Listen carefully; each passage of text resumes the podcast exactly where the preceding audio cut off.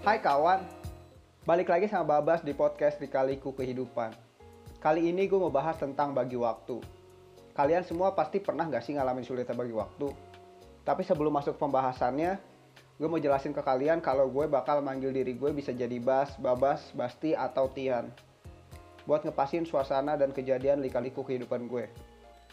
Kali ini gue mau cerita jadi Tian dulu. Pertama, Tian mau cerita kalau Tian itu suka ngerasain banget sulitnya bagi waktu. Entah bagi waktu dalam hal pelajaran, pekerjaan, pertemanan, bahkan sampai saat menjalin hubungan. Jadi seperti kemarin gue membahas masa SMA dulu. Di masa SMA ini bisa dibilang waktu gue masih sangat banyak. Dan gue masih bisa mengelola waktu itu dengan sangat baik. Apalagi di tahun pertama ya kan. Orang gue ansos ya jelas banyak waktunya keseharian gue aja. Cuman bangun jam 5, mandi, sarapan, siap-siap. Lalu pukul 6 kurang 15 barulah gue berangkat ke sekolah. Dan pasti sampai sekolah yang gak telat kecuali kalau hujan turun. Karena kalau hujan turun ya jadi macet. Orang-orang pada berangkat pakai mobil. Ya jadi sekalian cerita Tian ini tinggal di kota hujan. Kalian tahu lah ya kota apa. Ya jadi skip aja. Gue mulai ngerasa nggak bisa atur waktu ya pas akhir kelas 11 atau di awal kelas 12an karena saat itu kan gue udah mulai gak ansos ya kan. Gue udah mulai banyak main gitu. Gue udah mulai random tuh kegiatannya. Udah jadi sering banget buat pulang sore. Apalagi pas gue kelas 12 itu umur gue udah cukup buat punya SIM. Dan gue akhirnya bikin SIM tuh. Dan akhirnya gue diperbolehkan bawa kendaraan sendiri sama papa. Nah dari situlah gue makin-makin gak bisa atur waktunya, makin menjadi. Sampai-sampai gue kadang pulang malam dan lupa ngabarin orang tua gue.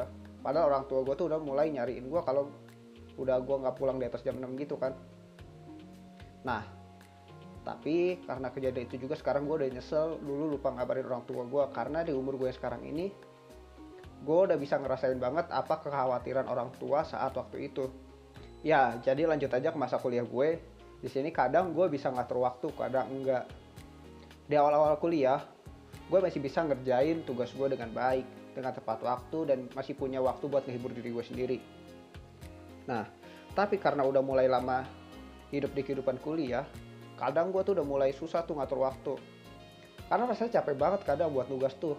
Dan sampai gue melakukan hal-hal bodoh gitu. Jadi kebanyakan waktu buat main kebanyakan waktu buat menghibur diri malah waktu buat tugasnya dihilangin.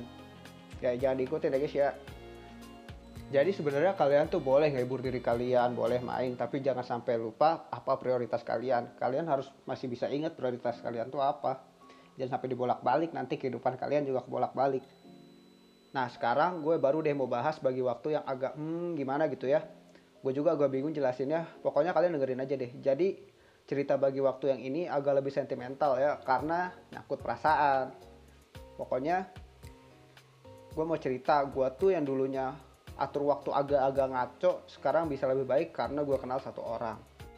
Nah karena si satu orang ini sekarang gue bisa kembali lagi ngerjain tugas gue dengan baik dengan tepat waktu dan gue juga sekarang mulai aktif lagi di kepanitiaan kepanitiaan dan mulai aktif sana sini mulai olahraga lagi mulai kumpul sama teman-teman lagi. Nah pokoknya gue tuh mulai jadi punya banyak banget kesibukan. Nah jadi dari kesibukan yang gue jalanin sekarang ini ternyata timbul juga masalah baru. Sekarang gue mulai nggak bisa bagi waktu buat seseorang yang udah ngubah gue itu. Jadi sebenarnya komunikasinya akhir-akhir ini lancar-lancar aja. Tapi kadang hati gue tuh dak dikduk dan pikiran gue agak kacau. Ya karena di sela-sela kesibukan gue tuh kadang gue mikirin dia. Gue suka banget mikir apa sebenarnya gue tuh udah ngasih cukup waktu ya buat dia atau gue tuh masih kurang ngasih waktu buat dia. Gue takut banget dia ngerasa kurang gue treat dengan baik karena gue nggak cukup ngasih waktu dan perhatian gue ke dia. Tapi di sisi lain gue juga nggak mau terlalu banyak menyita waktu dia. Gue nggak mau dia kehilangan dunianya karena gue selalu ada di kehidupan dia karena gue juga ngerti duniamu bukan aku saja kan? Nah jadi sebenarnya gue masih pengen lanjut cerita apalagi tentang duniamu bukan aku saja. Tapi menurut gue episode lika-liku kehidupan kali ini udah cukup panjang buat diceritain. Jadi langsung ke kesimpulannya aja. Menurut gue di episode kali ini kalian tuh harus bisa bagi waktu bukan buat kebaikan diri kalian aja tapi buat orang yang ada di sekitar kalian tapi ingat balik lagi, jangan sampai kalian kehilangan keluarga kalian, kerabat kalian atau orang yang kalian sayangi karena kalian terlalu fokus ngejar angan-angan kalian atau juga sebaliknya jangan sampai kalian tuh kehilangan diri kalian gak bisa hibur diri kalian karena terlalu fokus buat ngebahagiain orang yang ada di sekitar kalian. Karena balik lagi kalau kehidupan kalian gak imbang ya kalian sendiri yang bakal merasa rugi. Kalian sendiri yang kehilangan diri kalian. Sebisa mungkin atur waktu di kehidupan kalian supaya imbang hidup kalian buat kebaikan kamu dan sesama. Ya seperti di episode sebelumnya Babas di sini udah mulai bingung kan mau ngomong apa. So Babas pamit undur diri dulu. See you next time and bye bye